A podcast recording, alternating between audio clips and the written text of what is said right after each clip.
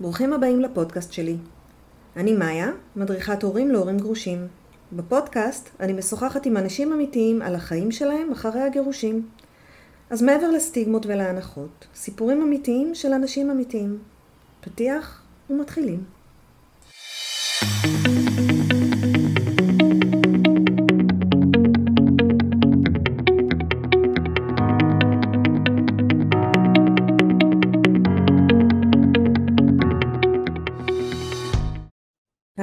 היום אנחנו עם אה, אוריה ריבלין. אנחנו נדבר על הסיפור שלו. היי אוריה, שלום מאיה, מה שלומך? שלומי נהדר. בוא תציג את עצמך. אני אוריה ריבלין, בן 26, גרוש פלוס שניים, אה, מתמחה במשרד רואי חשבון, חי. 26 גרוש, טיפה לצעיר? כן, כן, רוב האורחים שלך פה הם אה, קצת, קצת, קצת מעל זה. נכון. כן, אני אה, התחתנתי כבר אה, בגיל אה, מאוד מאוד צעיר, גיל 19. אה. היינו, צחקו עלינו החברים, שכשנולדה לנו ילדה, נולדה לנו ילדה די מהר, אחרי החתונה, אשתי אז אה, הייתה בת 20 כשהתחתנו. ודי מהר נולדה לנו ילדה, אז צחקו עלינו שאנחנו משפחה מרובת ילדים. יש רק לחלוטין. ילדים, אין, אין. הורים במשפחה הזאת, זה פשוט שלושה ילדים בלי הורים. אז אה, כן. טוב, אתה לא סתם התחתנת צעיר, אתה מגיע לא. אז אני, אני באתי מהציבור החרדי-לאומי. ה- גדלתי במשפחה דתית-לאומית בצפון, ביישוב הושעיה, זה יישוב דתי-לאומי, כיפות סרוגות, וככה לקחתי את זה צעד אחד קדימה, והלכתי לישיבה, ומה שנקרא התחזקתי, והגעתי ל... בוא נגיד, ציבור החרדי-לאומי, אני- למי שלא מבין, אז הציבור החרדי-לאומי זה, זה הכיפות הסרוגות, זאת אומרת, זה אנשים שכן הם משרתים בצבא וכולי, אבל לק- לקחו, לוקחים את הדת בצורה קצת יותר מחמירה, קצת יותר אה, אה, רצינית נגיד, וכן, אז זה, זה הציבור אבל בגדול זה כיפות סרוגות. אבל זה כיפות סרוגות, כן, זה לא החרדים שכן, לצורך העניין, אה, זה לא אה, יהדות התורה, כן, זה לא גפני וליצמן, כן, זה משרתים אוקיי. בצבא וכולי. אז כן, אז אני למדתי בישיבה, ובגיל 19 רציתי להתחתן. רציתי להתחתן אה, כמו שאני חושב כל אה, ככה בחור צעיר רוצה להכיר מישהי, זה היה נורא טבעי. לא היה איזה לחץ לא מצד ההורים, לא מצד הרבנים, זה היה נורא טבעי, פשוט אה, הפוך, זאת אומרת, אה, זה, זה היה גיל צעיר גם בשביל הציבור הדתי, חרדי לאומי, גיל 19 זה לא גיל אה, מקובל להתחתן, בדרך כלל מתחתנים אומנם מוקדם יחסית לציבור הכללי, אבל עדיין לא בגיל 19, אז אוקיי. זה היה מוקדם גם ביחס, בוא נגיד הייתי החבר הראשון מהמחזור שלי בישיבה התיכונית שהתחתן, כן? איך הכרתם? אז הכרנו בשידוך, ששידוך זה לא מה שאנשים לפעמים שומעים אה, את המילה שידוך, ישר עולה להם בראש כל מיני פרקים משטיסל וכזה, אז לא. לא, לא, זה לא היה ככה. אה, שידוך במובן הזה שכאילו כן הכיר בינינו שדכן, אבל התהליך היה לגמרי שלנו, אנחנו שלטנו בו ואנחנו נפגשנו אה, כמה שרצינו ואיפה שרצינו ואיך שרצינו ותיאמנו את זה, וזה לא היה, זה לא היה אה, שידוך במובן כמו שמקובל בציבור החרדי, שבאמת זה קצת יותר אה, ככה מובנה ו- וסדור ויש שלבים וזה, לא, זה היה יותר גמיש, אבל כן זה היה שידוך במובן הזה שכן, זה לא היה היכרות טבעית שלא לא התחלתי איתה ברחוב וזה לא היה, כן, אמ, אז הכרנו, תקופה קצרה, כן, בגיל 19, מן הסתם, כמה זמן יכולנו להכיר לפני גיל 19? לא, הכרתם. תקופה קצרה, כאילו אתה אומר, מה, למה, אנחנו כבר מספיק מבוגרים, למה נמשוך את זה? כן, כן, בדיוק. חשבתי שאנחנו כבר, שלא נשאר פתאום, שנוכל להביא ילדים עדיין, שלא נגיע לגיל שכבר אה, אי אפשר, כן. אז זהו, אז אה, אנחנו הכרנו תקופה מאוד מאוד קצרה, אז אני, אני כבר אה, ככה אספר שאני, אחרי הפגישה הראשונה, אמרתי לחבר שלי, זה היה נפגשנו בחמישי בלילה, ובשבת אמרתי לחבר שלי, בזהירות, עם כל הככה דיסקליימרים, שאמרתי לו שנראה לי שנתחתן. זה היה ככה פגישה שממש ככה, אמרתי וואו, זה היה מדהים, כאילו באמת הכרתי פה את ה... איתה אני רוצה באמת לבנות בית, וזה היה ככה מאוד מרגש ומאוד אה, רומנטי ומקסים, וזה היה נהדר באמת, אה, תחושה של ממש ריחפתי באוויר. התאהבות. אה, כן, כן. התאהבות, אה, זה לא היה בדיוק התאהבות ממבט ראשון, זה היה התאהבות אה, מפגישה ראשונה, זאת אומרת זה היה ממש, הרגשתי איך לאורך הפגישה הראשונה אני ממש ככה, זה היה פגישה ארוכה יחסית ארבע שעות וממש זה היה גם לא יחסית, ארוכה. כן, כן, אה, אז אמרתי לו לאותו חבר שנראה לי שנתחתן ככה, לא ידעתי מה היא רוצה ולא ידעתי גם מה אני רוצה, אמרתי לו נראה לי, ואז נפגשנו אחרי זה באמת ככה כל יום, במשך איזושהי תקופה של איזה ככה כמה שבועות נפגשנו כל יום, אני אומר כמה שבועות זה כאילו אני אומר את זה כאילו זה הרבה, זה כן. מצחיק, כן? כמה שבועות זה כאילו, בדיוק שמעתי איזה בדיחה עכשיו, מישהו אמר שמגיע סוכות, אז הוא אמר מגיע השלב הזה בשנה שבו אנשים שבחרו כלה אחרי שעה וחצי, עומדים שלוש שעות כדי לבחור אה, לולבים ואתרוגים. זה כאילו, עומדים בשוק של ארבעת המינים ובודקים ובודקים ובודקים, אבל אישה הם לקחו ככה. ואני כבר אחרי שלושה שבועות התחלתי לדבר איתה על חתונה. ואז אה, באמת התחיל איזשהו אה, תהליך קצר ש... בקיצור, בסופו של דבר, אחרי חודשיים של היכרות, התארסנו באופן רשמי, וזו הייתה שמחה גדולה. והייתי גם הילד הראשון של ההורים שלי שמתחתן, אבל גם ה... ככה הראשון במחזור, וזה היה... וגם הייתי צעיר, והיינו שנינו צעירים, וזה היה מאוד מרגש ומאוד שמח. והתחתנו חודשיים אחרי זה, זאת אומרת כל התהליך בין ה... מהרגע ש... שנפגשנו בעצם פעם ראשונה עד הרגע שהתחתנו כבר היה רק ארבעה חודשים, זה כל, ה... כל הסיפור. כל ה... זה, זה בערך מה שלוקח בציבור הלא חרדי להגיד אוקיי אנחנו בזוגיות. כן, כן, כן. זה בערך הזמן.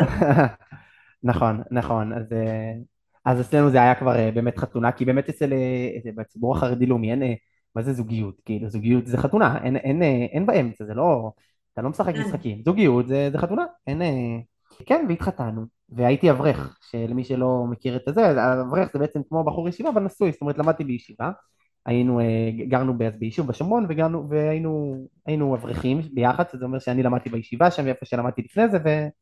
והיא הייתה אז סטודנטית, אה, זהו, והתחלנו אה, לחיות את החיים ביחד. נולדה ילדה? ונולדה לנו ילדה, קצת אחרי החתונה, אחרי כמה שנים נולד עוד ילד. אה, אז יש לנו עכשיו שני ילדים. אני, אני היום בן 26, זאת אומרת התגרשנו כבר לפני שנה, אז בעצם אחרי חמש שנות נישואין התגרשנו, זה היה לפני okay. כן. שנה. והיום אנחנו בעצם, כן, שנה אחרי הגירושים. אני רוצה לשאול אותך רגע, איך זה כן. מתקבל בחברה שמתגרשים? זו חברה שלא נהוג להתגרש. כן. זה הדבר אולי הכי, לא הכי, כמובן שלא, הגירושים עצמם זה אירוע שהוא בפני עצמו, גם אם היינו גרים במדבר לבד זה אירוע מטלטל וקשה, אבל כן. אני חושב שבאמת העניין הזה של איך החברה תופסת את זה, הוא קריטי, קריטי, קריטי, כי באמת, כשאני מסתכל על זה באופן אובייקטיבי, כאילו מה אני עברתי, אז אני אומר, זה, זה היה קשה, זה היה פה באמת, אה, היה פה משבר, גם משבר, אה, כמובן, משבר נפשי, בסוף אני גם, אה, את אשתי, אנחנו לא התגרשנו מתוך איזשהו רצון היה בינינו גם הרבה טוב, זה לא היה איזשהו, כן. איזושהי זוגיות אה, שהיא הייתה גיהנום שרציתי לצאת ממנו, כן? כמו שכל הבדיחות האלה של הגרושים, שהייתי נשוי, אבל עכשיו אני כבר מרגיש טוב, זה בסדר, כן? אז לא, היה לנו גם טוב, כן? זה לא היה איזשהו אה, גיהנום בלתי פוסק, אבל... אה, אבל אז אני אומר, אז הגירושין היו כאילו משבר גם נפשי, באמת זה להיפרד ממשהו שהוא היה כמה שנים אתה, הזהות כן. שלך, ו... ואישה שגם כן אה, אהבתי, כאילו היה לי קשר, קשר איתה. ו... כל התקוות, כל החלומות. כן, זה לא ממש... לא תכננת להתגרש, לא התחתנת כדי להתגרש. נכון, זה מין שבירה כזאת של כל המסלול של החיים שלך, המסלול של החיים שלך הלך בכיוון אחד ופתאום זה שבירה. אז את כל זה אני אומר דווקא כדי להגיד את הצד השני, זאת אומרת, את כל זה אני אומר כדי להגיד שעם כמה שזה קשה וזה קשה, ויש פה גם כמובן את הצד.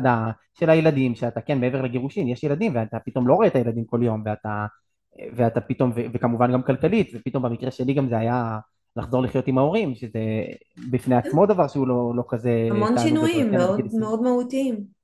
המון שינויים, ושינויים לא לטובה, כן? אה, אה, היה גם שינויים לטובה, זאת אומרת הגירושין, אם לא היו כן. שינויים לטובה אז לא היינו עושים אותם כנראה, כן? אבל, אבל הם, היו, הם היו שינויים, חלקם היו מאוד קשים וחלקם היו טובים אולי, אבל, אבל גם קשים, זאת אומרת זה לא סותר. אז את כל זה אני אומר אבל, כאילו, כי דווקא אני חושב שכמה שהיה לי קשה, הצורה שבה הסתכלו עליי מסביב, עכשיו אנשים לא אומרים את זה, חלקם אומרים את זה, כן, יש איזה אה, סיפור ככה שזכור אה, לי חזק שאני, ממש כשנפרדנו, אני, אני עזבתי את הבית ככה וזה, ולאיזה מין סוג של תקופת צינון ראינו את זה, אז אני ראיתי את זה, ו, ואז תוך במהלכה החלטנו שזהו, שמתגרשים, ואז אה, אני ישבתי עם סבא וסבתא שלי, אנשים, אנשים נחמדים וחמודים, כן, אבל סבא וסבתא הם מהדור, לא הדור הקודם אפילו, כן, אני בן 26. אחד לפניו, אני, כן. כן, אני דור 26, אני בן 26 זה כאילו הדור ה... לא יודע איך זה נקרא היום, דור ה-Y, דור הזה, זה, זה כאילו, אנחנו רחוקים בחג של שני דורות. והם עוד גרו, ב, ב, הם עוד בדור שבו גירושים זה משהו שכאילו, שהוא לא קיים בכלל. זה, זה לא כן. משהו שהוא נדיר, כן? אצל ההורים שלי אז גירושים בגיל שלהם, בדור שלהם, זה משהו שהוא נדיר. אצל סבתא סבתא שלי זה משהו שהוא לא, לא קיים, כן? במקרה הסבתא שלי, ההורים שלה כן היו גרושים, אבל זה לא, עדיין זה היה מאוד זה לא מייצג. זה ממש לא מייצג, ו... ואז אני זוכר שככה ישבתי מולם, ואני מחייך. לאורך כל התקופה, כשהייתי לבד, היו לי משברים והיה לי קשה, והיו זמנים שכאילו, שריר הבכי חלש אצלי, אבל הייתי ממש, ב, ב, ב, ב, היה, לי, היה לי קושי גדול, אבל כאילו תמיד הייתי כלפי חוץ. זה קושי מאוד מאוד גדול, אין מה לעשות. כן, זה קושי מאוד גדול, אבל אה, שוב, אני, אני, אני שוב חוזר, כשאני יושב מול הסבא וסבתא שלי, ואז הם מסתכלים עליי והם בשוק, ואני רואה על הפנים שלהם שהם בשוק, כאילו, איך אתה מחייך? אתה מספר לנו שאתה מתגרש, תוריד את החיוך הזה מהפנים שלך, כאילו, מה, מה אתה עושה? ואז, וסבתא שלי ככה אומרת, אני מאוד מופתעת, אתה נראה בסדר. סליחה, ואז סבתא שלי אומרת כזה משהו, אה, אבל איך תסתדר, בלי אישה, מה תעשה? ואז אה, סבא שלי אומר, בשפה גברית וזה אומר, יהיה לך רע מאוד, בקיצור, ככה. וואו, אוקיי. יהיה לך רע מאוד. עכשיו, עכשיו זה, זה עוד סבא וסבתא, היה להם את האפשרות גם להגיד בצורה ישירה, שזה קצת אולי כן. נקל, כן, אבל אני אומר, באופן כללי בציבור גירושין עדיין נתפסים, אולי במחוזות מסוימים פחות, כן, ובטח אם איזו אישה מתגרשת כבר אחרי שכמה חברות שלה התגרשו, אז היא מרגישה שהיא רק אה, ככה נכנסת למועדון. כן. אבל זה עדיין, עדיין ברוב המקומות, עדיין הגירושין נתפסים כאיזשהו מין סוג של אה, כישלון אה, אה, פומבי מאוד מוחץ. תמיד אני אומר לאנשים ש... כישלון פומבי? למה פומבי? כישל... זה, זה, זה בדיוק מה שאני בא להגיד, כי, כי אנשים אומרים לי, אוי, כאילו, גיר... אוי, אוי, התגרשת, אוי, ועכשיו, אני אומר להם, תמיד יש לי מין משפט קבוע כזה שאני אומר לאנשים, אני אומר להם, תקשיבו, גירושין זה לא בעיה, גירושין זה פתרון. הבעיה הייתה קודם, פשוט את הבעיה לא ראיתם. כן. כשזה היה לנו בתוך כותלי הבית, לא ראיתם את הבעיה. אז עכשיו אתם באים ואומרים לי, אה, אוי, התגרשתם, אבל חמודים, זה, זה הפתרון, אני פתרתי את הבעיה. אני לא אומר שזה טוב שהייתה את הבעיה, אבל הפתרון הוא רק... הייתה. אבל היא הייתה, אז לא ראיתם אותה, אז לכן אני אומר, הגירושין הם כישלון פומבי, כי כל עוד בן אדם יש לו קשיים בזוגיות, אז זה אצלו, והוא יכול לצאת החוצה ולהרגיש שהוא נשוי, והוא ככה בסטטוס שהוא קצת יותר ככה, נגיד, אה, אה, מכובד נקרא לזה, או קצת יותר, אה, ושוב, בציבור הדתי-לאומי זה עוד יותר, כי גם, תחשבי שהציבור הדתי-לאומי זה ציבור שהוא גם כולו מרוכז סביב קהילתיות ובית כנסת ומשפחה והסגנון של הציבור הדתי-לאומי הוא סגנון שלא נותן מקום בכלל, אין, אין מקום לגרושים. אתה מתגרש ביישוב קהילתי, אז יש כן. אנשים שלוקחים צעד, יש אנשים שלא מדברים. לא, אנשים לא, תראי, אנשים מדברים בוודאי. אני כן. לא נמצא שם מטבע הדברים, אבל בוודאי שאנשים מדברים, אמ, ואנשים גם, אה, את יודעת, אה, שוב אני אומר, זה, אנשים גם לא יודעים, ואנשים, דווקא בגלל שהם לא יודעים, אז יש להם את כל המוחם הקודח ודמיונם הפורה מתחיל לדמיין דברים, והם, ופתאום כל מיני דברים שההוא אמר, אז פתאום, אה, אוקיי, רגע, וזה, את יודעת איך זה... מנסים להגן על עצמם, כן. שהם מנסים להגיד, כן, שם יש סיבה מאוד ספציפית ולנו אין את זה. כן, כן, יכול להיות שיש פה גם איזה מנגנון כזה, כן, אבל אני מדבר יותר על איך שזה, כאילו מה שהם מדברים בינם לבין עצמם אנשים, אני לא יודע, וזה באמת גם בכנות פחות אכפת לי, אני אומר מה ש... אבל זה, אבל זה דברים שהם קשורים, ואני מדבר יותר על איך שמשודר לבן אדם, אני אומר כאילו, בן אדם מתגרש, די עם הפרצופים המרחמים האלה, את יודעת, אני כאילו רואה בעיניים של אנשים, עכשיו, זה מצחיק, כי כאילו, אם הייתי מספר לאנשים, לא יודע, לא עלינו, חס וחלילה, כן, הבת שלי בבית חולים, אז אנשים היו מצטערים, אנשים היו אמפתיים, וזה היה מאוד, אה, כאילו, אנשים היו מצטערים, אבל את המבט המרחם הזה שיש על אנשים גרושים, זה כאילו משהו מיוחד, זה שמור רק להם. זה, אתם יודעים מה אני אומר? זה כאילו... כן. אוי, ואנשים כאילו... מסכן, הוא התגרש. כן, ובגיל 26, והוא, אז הייתי בן 25, שני ילדים קטנים וזה, וכאילו... איך אמר סבא ממש... שלך? יהיה לו בדיוק. נורא רע עכשיו. אז זהו, אז מה שסבא שלי אמר בצורה ככה מאוד uh, ברורה ובוטה, אז אנשים, ברור שזה מה שעובר לאנשים בראש, והם, והם משדרים את זה, ואנשים כאילו, לא יודע, מתייחסים כן. אליך אחרת, אני אפילו קצת מרגיש שזה איזשהו מין, קשה לי להגדיר את זה, באמת, אבל זה מין סוג של, אולי, סוג של פחד. אני, אני לא יודע איך להגדיר את זה בשפה יותר טובה, אבל כאילו אנשים מסתכלים עליך וכאילו מין סוג של פחד, אה, סקרנות, מלווה ברחמים, מלווה במין קצת חרדה וקצת מין, אה, כאילו זה מדבק. כאילו כן. זה, זה משהו כזה שהוא... אה, בדיוק ככה, כאילו זה מדבק. כן, יש אה, בספר של יאיר לפיד, הוא מתאר באחד הטורים, ועומדים בטור או משהו, אז הוא כותב איזה שהוא משהו, הוא הרי התגרש בגיל צעיר, mm-hmm. הוא בגיל מאוד צעיר, ואז עכשיו הוא נשוי לאשתו השנייה, אז הוא מספר שאחרי שהוא התגרש פעם ראשונה, זה גם עוד היה לפני הרבה שנים, אז הוא מתאר, הוא, ואני זוכר את המשפט, כי זה משפט ככה מצחיק, זה, הוא כותב את זה בשפה קצת מצחיקה, אבל הוא אומר, הייתי מאוד, אה, כאילו לא זוכר בדיוק מה הוא כותב, כן, מתוסכל או זה, והוא אומר, נכשלתי במשימה הכי גדולה של החיים, להישאר נשוי, כן? להישאר נשוי, זה לא זוגיות טובה, זה כן. להישאר נשוי, זה כאילו איזושהי מין מטרה. עכשיו, אם בן אדם מרגיש שבגלל שהוא נשוי, אף על פי שיש לו זוגיות זבל, אז, אז באיזשהו מקום טוב לו יותר, אני לא אקח לו את הדמיון, אבל, אבל זה דמיון, כאילו, זה, זה דמיון, זה לא נכון. כן, אומר, כי, כי, זה משימת, כי, כי זה משימת חיים, כי יש איזושהי הסללה בכל חברה, אני חושבת, יש לך מסלול ויש לך, אני יודעת, אצלנו זה צבא, אוניברסיטה, חתונה, ילדים, וזהו, כאילו, עד המוות, זה המצב. ואז אתה נכון, שובר איזושהי תבנית. נכון, אז לאט לאט זה נהיה קצת פחות שבירה של תבנית, כי ככל שיש נכון. יותר גירושין, אז התבנית נהיית כבר, אוקיי, יש כאילו, זה מין, זה מובנה, כן, אני, לא, אני, עלה לי בראש בשפה של רואי חשבון, זה נקרא אה, הפרשה לחובות מסופקים, זה כאילו שאתה יודע מראש שאתה לא תגבה את כל הכסף שתכננת לגבות. כאילו, נכון. זה כבר נמצא בתבנית, אבל בציבור הדתי-לאומי זה עדיין, כאילו אני אומר, הציבור הדתי-לאומי הוא כאילו מפגר בדור. זאת אומרת, כמו שנגיד המבוגרים של היום בציבור החילוני, אז, אז, אז זה הצעירים של הדתיים-לאומיים, זה כאילו כל הזמן כאילו מתעכב קצת ב, בטרנדים, כן? אז, כן. אז בציבור הדתי-לאומי, ובטח בציבור החרדי-לאומי, זה, זה, כן, זה מאוד מאוד קשה, וכמו שאמרתי, אין מקום לזה גם, זה לא, זה, זה לא משהו שהחברה גם יודעת להכיל, אין, אין מסגרת מתאימה לזה באמת. ובאמת יש היום כל מיני מיזמים כאלה שקמו בשביל אה, גרושים מהציבור הדתי-לאומי וזה, אבל זה, זה באמת איזשהו מין משהו שבא לענות על קושי שהוא לא פתור, שהקהילה הדתית היא קהילה שהיא חיה סביב, סביב, סביב משפחה, זה, זה, קדושת זה המקום. שמגיעים את החגים, קדושה זה נכון, אבל מעבר לזה יש גם ממד פרקטי, שם הדברים נמצאים, זאת אומרת, שם מתקיימים החגים והדברים, זה שם נמצא. ואת יודעת, כל הערכים זה נורא נחמד, אבל בסוף אנשים חיים את החיים חוץ מכל הערכים הגבוהים, פשוט ככה זה עובד. כן. זה, זה תרבותית, ככה זה עובד. כן, אז, אז, אז אני אומר, כאילו, היה לי נורא קשה, הקטע הזה של ה...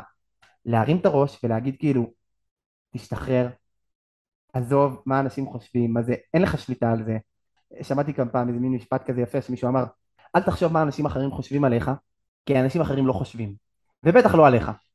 אומר, אני ניסיתי לקחת, זה קשה, זה קשה, אבל אני ניסיתי לקחת את המשפט הזה ככה לליבי, לאמץ אותו ולהגיד כאילו, נגיד שאנשים חושבים עליי, מסתכלים עליי, אבל בסוף יש לכל אחד את הצרות שלו, ואנשים בסוף לא באמת, אני אומר את זה לעצמי, אני כאילו משכנע את עצמי, זה נכון, אבל אני אומר, כשבן אדם מתגרש, יש את השלב הזה שבו הוא מגלה לאנשים, כאילו שבו זה מתגלה, כי עד, כמו שאמרתי, עד שבן אדם לא מתגרש, אז הזוגיות שלו, האנשים הקרובים נגיד ידעו, אבל באופן כללי הוא נמצא באיזשהו מין מקום שהוא מוגן, כן, מה, כן. מהעין של ה... מהעין של הכלל, ואז פתאום הוא מתגרש וזה איזושהי מין אה, בושה מאוד גדולה. כאילו כמו שכן, כמו שציטטתי את יאיר לפיד, אני נכשלתי במשימה הגדולה ביותר של החיים, להישאר נשוי, כן? יש פה שני, שני דברים כאילו שאני בעצם אומר, אחד זה כלפי האנשים שהם לא גרושים, אלא מישהו בסביבתם מתגרש, תרגיעו. פחות. תרגיעו, באמת, תרגיעו, פשוט הכל, הכל בסדר. אני אומר גם לסבים שבינינו, לאו לא דווקא יהיה לנו רע, ובאמת, אני גם באמת לא רואה את זה ככה. תשמעי, אני, אני מרגיש שהחיים שלי הם, טובים. כן. הם לא טובים הכי שהם היו יכולים להיות, וכן, היה, היו בחירות שעשיתי לא נכונות, והיו, והיה לי גם, כמובן, הכל זה גם מזל וגם בחירות לא נכונות, וכן, יש קשיים, אבל בסך הכל, גם אחרי הגירושים, החיים ממשיכים, ו- ו- וזה מפתיע אותי, כי אני, כשהייתי עוד נשוי ככה בעומק הזוגיות, ועוד כשהייתי גם חלק מהציבור החרדי-לאומי וכולי, וזה היה לי כאילו בראש, אפילו שהזוגיות שלי לא הייתה, הייתה ככה ידעה להיות ומרדות, היה לי ברור שכאילו גירושין לא על הפרק, זה, זה לא משהו כן. שעושים, כאילו, וזה היה לי ברור שכאילו במידה ויום אחד אני אתגרש, זהו, זהו. תמו החיים בקהילה? תמו החיים, אין, אה. אין, זה, זה לא משהו שהוא, אה, מה זה גירוש בכלל? זה, זה לא משהו שהוא אופציה שאפשר להתקדם איתה איכשהו ולבנות חיים טובים, בכלל. כן. ואני נורא מופתע היום, אני כבר לא, כי אני כבר התרגלתי לרעיון, אבל וואלה, כאילו, זה בסדר, כאילו, באמת, אני אומר, זה כמובן, לכל אחד יש את הסיפור שלו, וכמובן שכן, יש מקרים בוודאי הרבה הרבה יותר קשים מהמקרים שלנו, אבל זה לא בהכרח שגירושין הם טרגדיה, זה מה שאני רוצה להגיד, גירושין הם משבר כמו שורה של משברים שפוקדים אנשים, ואנשים יש להם משברים מכל מיני סוגים, והגירושין זה פשוט עוד סוג של משבר, ו- ו- ולא ככה החברה מתייחסת לזה, החברה מתייחסת לזה כמשבר עם איזשהו מין אה, אה, ארומה מיוחדת, זה משבר כן. קצת יותר אה, נגיד אה, פיקנטי ו- ו- וכזה ומעורבים בו גם הרבה יצרים ולפעמים בתי משפט וזה, ואני אומר, זה לא, לא בהכרח, לא בהכרח, גירושין יכולים להיות פשוט פרידה, פרידה של שני אנשים שהתחתנו והם נפרדים ועכשיו יש להם ילדים משותפים והם יכולים לנהל חיים תקינים כאשר הם לא חיים ביחד, זה לא, זה נשמע, כשאני אומר את זה ככה זה פתאום נשמע. נשמע סביר. אני חושבת ש, שיש פחד. אני חושבת שמדובר פה על, על אנשים שמפחדים להתגרש בעצמם, לפעמים זה משהו שהם מאוד רוצים, אבל בגירושים יש אלמנט שלא נודע, של פירוק המשפחה שהיא, דיברנו על זה, שהיא אבן היסוד פה, זאת אומרת, הכל מתכנס סביבה.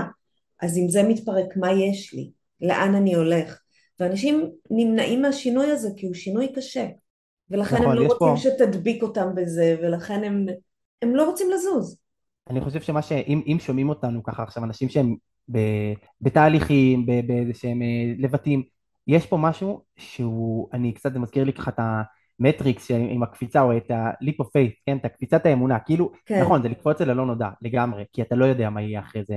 ונכון, דברים יכולים ללכת גרוע, אבל אם בן אדם נמצא במצב רע, אם הזוגיות שלך לא טובה, להישאר שם כי אתה מפחד מהלא נודע, אני אומר, צריך כאילו, באמת יש פה איזושהי קפיצת אמונה, כי זה להחליף רע ודאי ברע לא ודאי, במשהו שאתה לא יודע מה הוא יהיה, אולי הוא יהיה טוב, נכון, זה לא בהכרח רע, נכון. אבל יש פה איזשהו משהו שהוא כן, שהוא קפיצה אל הלא נודע, ופשוט צריך, אני חושב שזה דורש גם אומץ, כאילו, כמובן, אני לא קורא לאנשים להתגרש, אם בן אדם יכול לשקם את הזוגיות שלו, אני הכי בעד, אני באופן כללי בעד אה, לשקם זוגיות כל עוד אפשר, אבל במידה ובן אדם רואה שזה לא עובד, אז כן, צריך לעשות פה איזושהי קפיצת אמונה, ואני אומר את זה כאחד שקפץ, ולא משנה שהקפיצה לא הייתה לגמרי, זה היה קצת יותר, אה, הפילו אותי מבניין, זאת אומרת, אני, אני גם לא, לא הייתי היחיד, היחיד שהחליט את זה בצורה, כן, אם זה היה תלוי בי, אולי אה, רק, רק בי, אולי אני הייתי עדיין נשאר בראש הבניין, ו, ולא בהכרח, אה, אבל, אבל אני אומר את זה כאחד שקפץ סלש נפל, כן. בסדר פה למטה, זה לא נורא, זה, זה לא נורא, בטח לא כמו שהחברה לפעמים, ו, וכן, יש סיפורים יותר גרועים ויש סיפורים פחות גרועים, אבל בוא נגיד הפודקאסט הזה הוא מקום טוב בשביל לשמוע את הסיפורים מכל הסוגים ולהבין שיש יש ויש. נכון. כן, uh, גירושין זה קצת במובן מסוים גירושין לא רק מבן זוג, זה גירושין מחיים, זה, אתה בעצם מתגרש מאיזושהי, uh, לא בדיוק דרך חיים, יותר מין uh, מסלול חיים, מין mm-hmm. איזשהו מין תבנית כלשהי שאתה אתה, אתה לוקח את עצמך ממקום ושם את עצמך במקום אחר. כן, זה, אני חושב שבאמת שינויים זה אולי המילה, שינוי זה, זה באמת הדבר שהכי קשור ומשקף את העניין של גירושין, זה פשוט זה. אתה חושב שהרבה לא מתגרשים כי הם מפחדים מהתגובה של הסביבה? נראה לי ברור. כן? זו שאלה. זה נראה לי ברור, לא?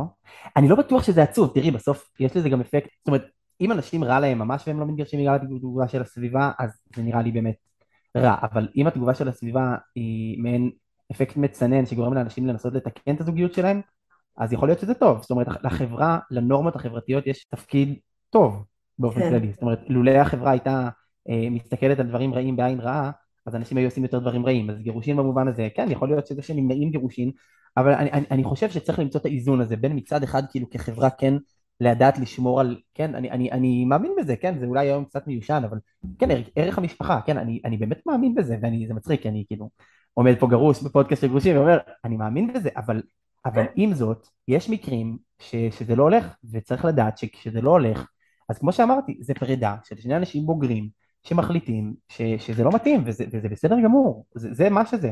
ו, וצריך ל, ל, להתקדם מזה עכשיו ולנסות uh, ליצור את הדבר הכי טוב שאפשר בתוך המסגרת הזאת. זה לא, זה לא שבהכרח הכל הלך, כן, גם, הרי בסוף מה זה גירושים?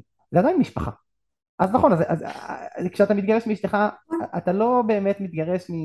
אם אין ילדים אז בסדר, אז אפשר להתווכח עם זה בכלל, לתת לזה את השם גירושים בכלל, כן, מצטער אם כן. אה, שומעים אותי אנשים בלי ילדים, ו... אבל אה, אם יש ילדים זהו, זה לא, מה זה גירושים? זה לכל החיים, כמו שאומרים. ובסוף צריך ללמוד לחיות עם זה, ואם לומדים לחיות עם זה כמו שצריך, זו שגרה מדבר... אחרת. כן, אני מדבר כאילו אני איזה, כבר יש לי, כאילו כולה לפני שנה התגרשתי, כן? זה... אבל כבר אבל... יש לך שגרה. כן, ואני ממרומי גילי, מגיל 26, ואני אומר, זה, זה, זה בסדר, כאילו זה... לומדים באמת לחיות עם זה, ואני חושב שגם במובן מסוים גם, אני גם מרגיש שהתחזקתי מזה. לא הייתי רוצה, כן? זה כמו שאומרים על אנשים שהיה להם סרטן, כן. והם התחזקו מזה. זה, אתה לא ביקשת את זה, אבל אחרי שזה קרה, התחזקתי מזה. אני, אני לא אותו אדם שהייתי, ולטובה. זאת אומרת, האדם כן. שהייתי, האדם שהייתי, בלי שמץ של ספק השתפר מכל התהליך. זה חד משמעית, אין ספק בכלל שאם הייתי נשאר נשוי, זוגיות טובה או לא טובה, לא משנה. הייתי אדם אחר ו- ולא לטובה. זאת אומרת, אני היום אדם עם, עם עוצמות פנימיות, עם עוצמות של, של לעמוד למרות הקשיים, וזה קשה. תשמעי, אני התגרשתי סטודנט, שני ילדים, כן. כסף, פתאום ללכת לגור אצל ההורים, ועכשיו אני קצת עומד על הרגליים, ככה סוף הלימודים וזה, אני, אני עכשיו גר בצפון ואצל ההורים, ועוד יומיים בדיוק עובר לפתח תקווה לדירה, יותר נכון, לפיסת קרקע משלי, אפשר mm-hmm. להגיד, וככה קצת יותר עומד על הרגליים, אבל, אבל זה תהליך, וזה עדיין לא לגמרי, ו, וזה זה, זה לבנות, לבנות אותך מחדש, זה פשוט לבנות אותך מחדש. יש לך הזדמנות לראות מי אתה עכשיו. נכון, מי אתה נכון. בגיל 26, איזה דברים למדת, מה אתה רוצה להיות, מה הדרך, אתה יכול ממש לעמוד כאן ו... ולהחליט. והחלטת לעבור למרכז, והחלטת לעבוד במקצוע שאתה אוהב, וזה החלטות אה, מאוד משמעותיות. זה גם החלטות שהן, אני, אני דווקא, אני חושב שההחלטות, זה פחות הנושא שאני כאילו, מבחינתי, רואה כמשמעותי.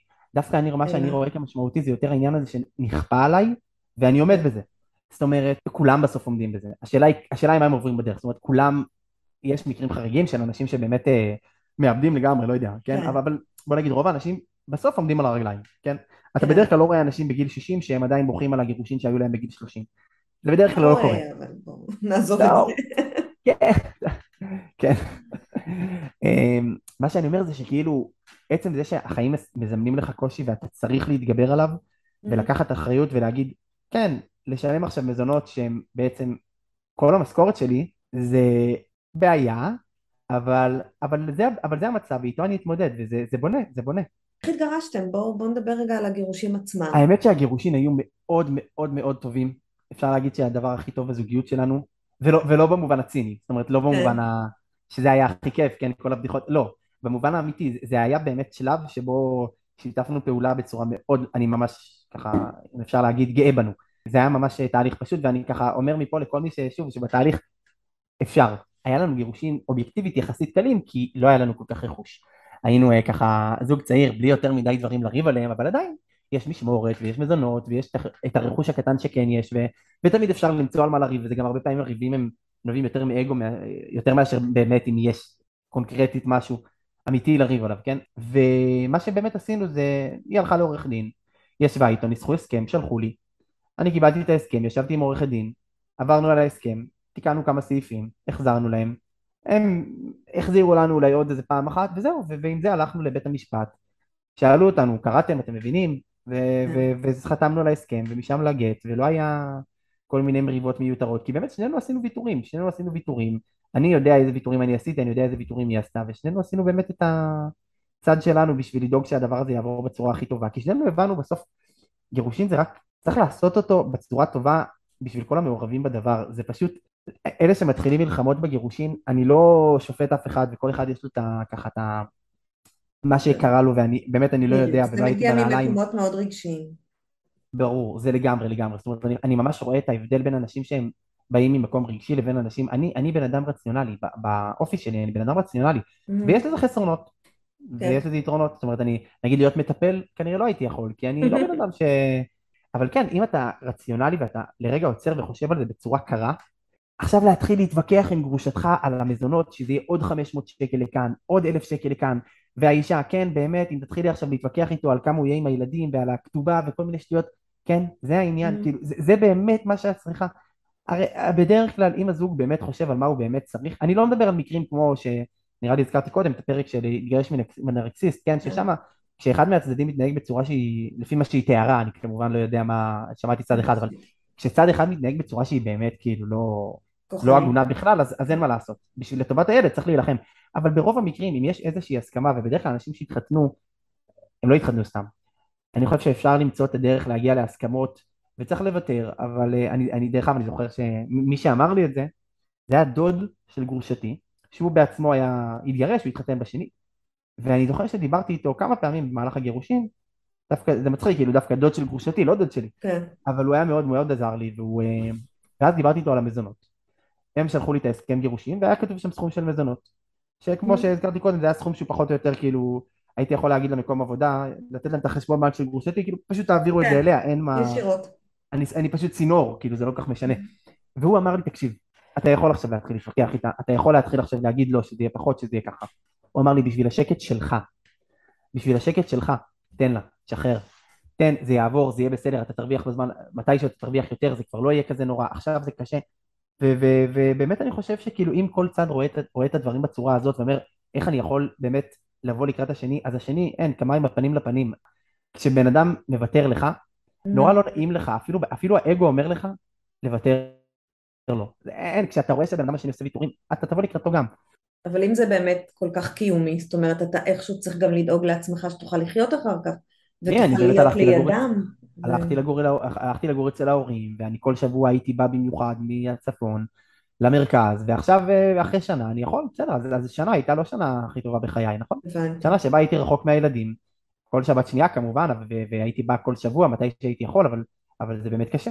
אבל עכשיו אני עובר אליהם אחרי שנה, ואני מקווה ש, שעכשיו אני אוכל לראות אותם יותר. הם עדיין אצלה, בשוטף, כן. אבל אני יכול, אה, זה, זה גם חלק מה... חלק מזה שעשינו את הגירושים בטוב, שגם ההסכם מבחינתי, אני, אני לא הסתכלתי על ההסכם מאז שהתגרשנו. זאת אומרת, זה לא מעניין, כן. מה, אין, אין לנו, הייתה פה אחת שאמרה, אה, שהיא עורכת דין, היא אמרה לבנות הסכמות, הסכמות לא הסכם, נכון? כן. ש, שצריך להגיע להסכמות, עכשיו, לא יודע אם הגענו לזה בצורה מודעת וזה, אבל כן, יש בינינו היום שיח נורא פשוט של כאילו, טוב, אני יכול לבוא עכשיו לילדים, אז אני בא, וכאילו זה לא עכשיו, לא, תבוא ביום הזה, בשעה הזאת, תוציא אותם בשעה הזאת ותחזיר אותם לשם, זאת אומרת, זה מאפשר גם גמישות לטובת שני הצדדים. בטח, שני הצדדים בסוף נהנים מזה, ואם אני עכשיו השבת רוצה לקחת אותה כי יש שבת משפחתית, לוקח, אז אני לוקח והיא נותנת לי, וזה לא... אני אומר, ברגע שאתה בא לקראת השני, בכל מה שקשור לגירושים, בכל התהליך, ברגע שבאים לקראת השני, לכולם יותר טוב. זה לא אומר שאתה צריך להיות, אנחנו גם קצת מעבר, אנחנו גם אה, ככה עושים טיולים ביחד, ועושים ככה דברים נחמדים ביחד עם הילדים וזה, וממש אה, נמצאים ביחד ממש. לפני כמה זמן ישבנו ביחד, וזה היה קצת מצחיק, ישבנו ביחד ארבעתנו, אכלנו פיצה, ואז פתאום עוברת שם איזו אישה מבוגרת, זקנה, עוברת לידינו ולא יודע מה עבר לבן שלי בראש, הבן קטן, בן שנתיים, הוא פתאום עושה לה שלום. הוא עושה לה שלום לאישה המבוגרת שעברה שם. ואז היא מחייכת, היא מסתכלת עליו, עושה לה שלום, ואז היא מסתכלת עלינו, על ארבעתנו, ואז היא אומרת, איזו משפחה מתוקה. ממשיכה ללכת. עכשיו אני וגרושתי מסתכלים אחד על השני ומגחכים, אם היא הייתה יודעת. כן. אתם עדיין משפחה. זה בדיוק העניין, אנחנו עדיין משפחה, אני, אני לגמרי רואה את זה ככה, אנחנו משפחה. ומשפחה שהיא, כן, אנחנו התגרשנו, אז אנחנו לא לגמרי משפחה במובן הכי רגיל, אבל בסוף אימא של הילדים שלי, זה לא משהו שאני יכול עכשיו פשוט להחליט שהוא לא, כן? זה, זה מציאות ש... בדיוק, זה כמו אחות. יש לכם ילדים ביחד, זהו. כן, אני, אני יכול לשנוא את אחותי, אבל אני לא יכול לעשות שהיא לא תהיה אחותי. זה, אני חושב שגרושה, ככה בראש שלי, זה האנלוגיה הכי טובה לגרושה, זה כמו אחות. זאת אומרת, אתה קשור אליה, אתה, אתה רוצה, אתה לא רוצה, אתה אוהב, אתה לא אוהב. זה שם. עכשיו אתה יכול לבחור איך לחיות עם זה, אם אתה רוצה לחייך, או שאתה רוצה להיות אה, נקמן ו- וכעסן. ומה הלאה בשבילך? וואו, מה הלאה? כן. אני כרגע במוד של לשרוד. Mm, אוקיי. כרגע אני בעיקר במוד של אה, לסיים את הלימודים, לסיים התמחות. תראי, זה, אנחנו אומרים מה הלאה, עוד יומיים יש הלאה גדול, עוד יומיים אני עובר ליד הילדים, זה אירוע מאוד מאוד מאוד מרגש. מאוד. מאוד מרגש, אני עכשיו עובר לגור ליד הילדים, אני אהיה מרחק של רבע שעה אופניים מהם, וזה נהדר, ומפה יש פה באמת אה, עולם חדש וטוב שנפתח, ונראה איך זה באמת אה, איזה דלתות ייפתחו, אני מקווה שבאמת יבואו דברים טובים בפתח תקווה, אולי יהיה תקווה בפתח תקווה. זוגיות שנייה, משפחה? בעזרת השם. אמ, אני לא יודע איך ומתי, אבל בוודאי, כן, אני, כמו שאמרתי קודם, אני מאמין בזה, אני לא... זוגיות זה דבר טוב, אני זה לא... זה יקרה, זה יקרה, ברור. היו אנשים ששאלו אותי, תגיד, אה, לפני איזה כמה זמן בא אליי איזה אחד במשרד, הוא אומר לי, הוא בדיוק, היה, הוא בדיוק התחתן קצת אחרי, זאת אומרת, הוא בא אליי, הוא היה רוס, היה, היה מאורס, כאילו, כן, לא הרוס. הוא היה מאורס, והוא אומר לי, תגיד, איך אתה חושב עכשיו על מוסד הנישואין, אחרי שהתגרשת? אמרתי לו, זה מוסד מצוין, אני חושב שזה מוסד טוב. נכון, זה לא מושלם, ואיך אה, שמעתי פעם איזשהו, אני לא זוכר כבר מאיפה שמעתי את זה, אולי מאסתר פרל, אני לא זוכר מי בדיוק, שאמר אה, שהיום חתונה צריכה להיות לעשר שנים. היא צריכה להיות עם תוקף. ואם רוצים אפשר שיהיה אופציה להערכה, אבל מראש זה צריך להיות כאילו לקצוב בזמן. אז אני אומר, לא, לא, אפשר להיות קצת יותר אופטימיים. אבל, אה, אבל אה, כן, בעזרת השם בהמשך בוודאי, כן.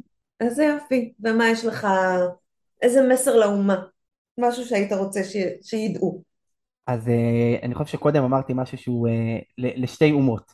לאומת המתגרשים, הכל טוב, אתם בסדר, ואני אגיד את זה ככה, אני אגיד את זה ככה, אולי. אתם לא בסדר אם אתם לא בסדר, ואתם כן בסדר אם אתם כן בסדר. זאת אומרת, אני אומר, אתם מתגרשים, זה נתון כבר. בהנחה שזה נתון, אז זה נתון. עכשיו יש לכם את הבחירה איך אתם מתגרשים. אם אתם הולכים ומתחילים לנסות לנקום בבן זוג, ומנסים לעשות את זה כאילו כמה שיותר שיהיה רע לו, ולא חושבים על מה יהיה טוב לכם ולילדים, אלא איך יהיה רע לו, אז אתם לא בסדר, ועל מישהו כזה, טוב אולי שהחברה תסתכל עליו בצורה לא טובה. אני, כן, כאילו, זה, זה לא טוב.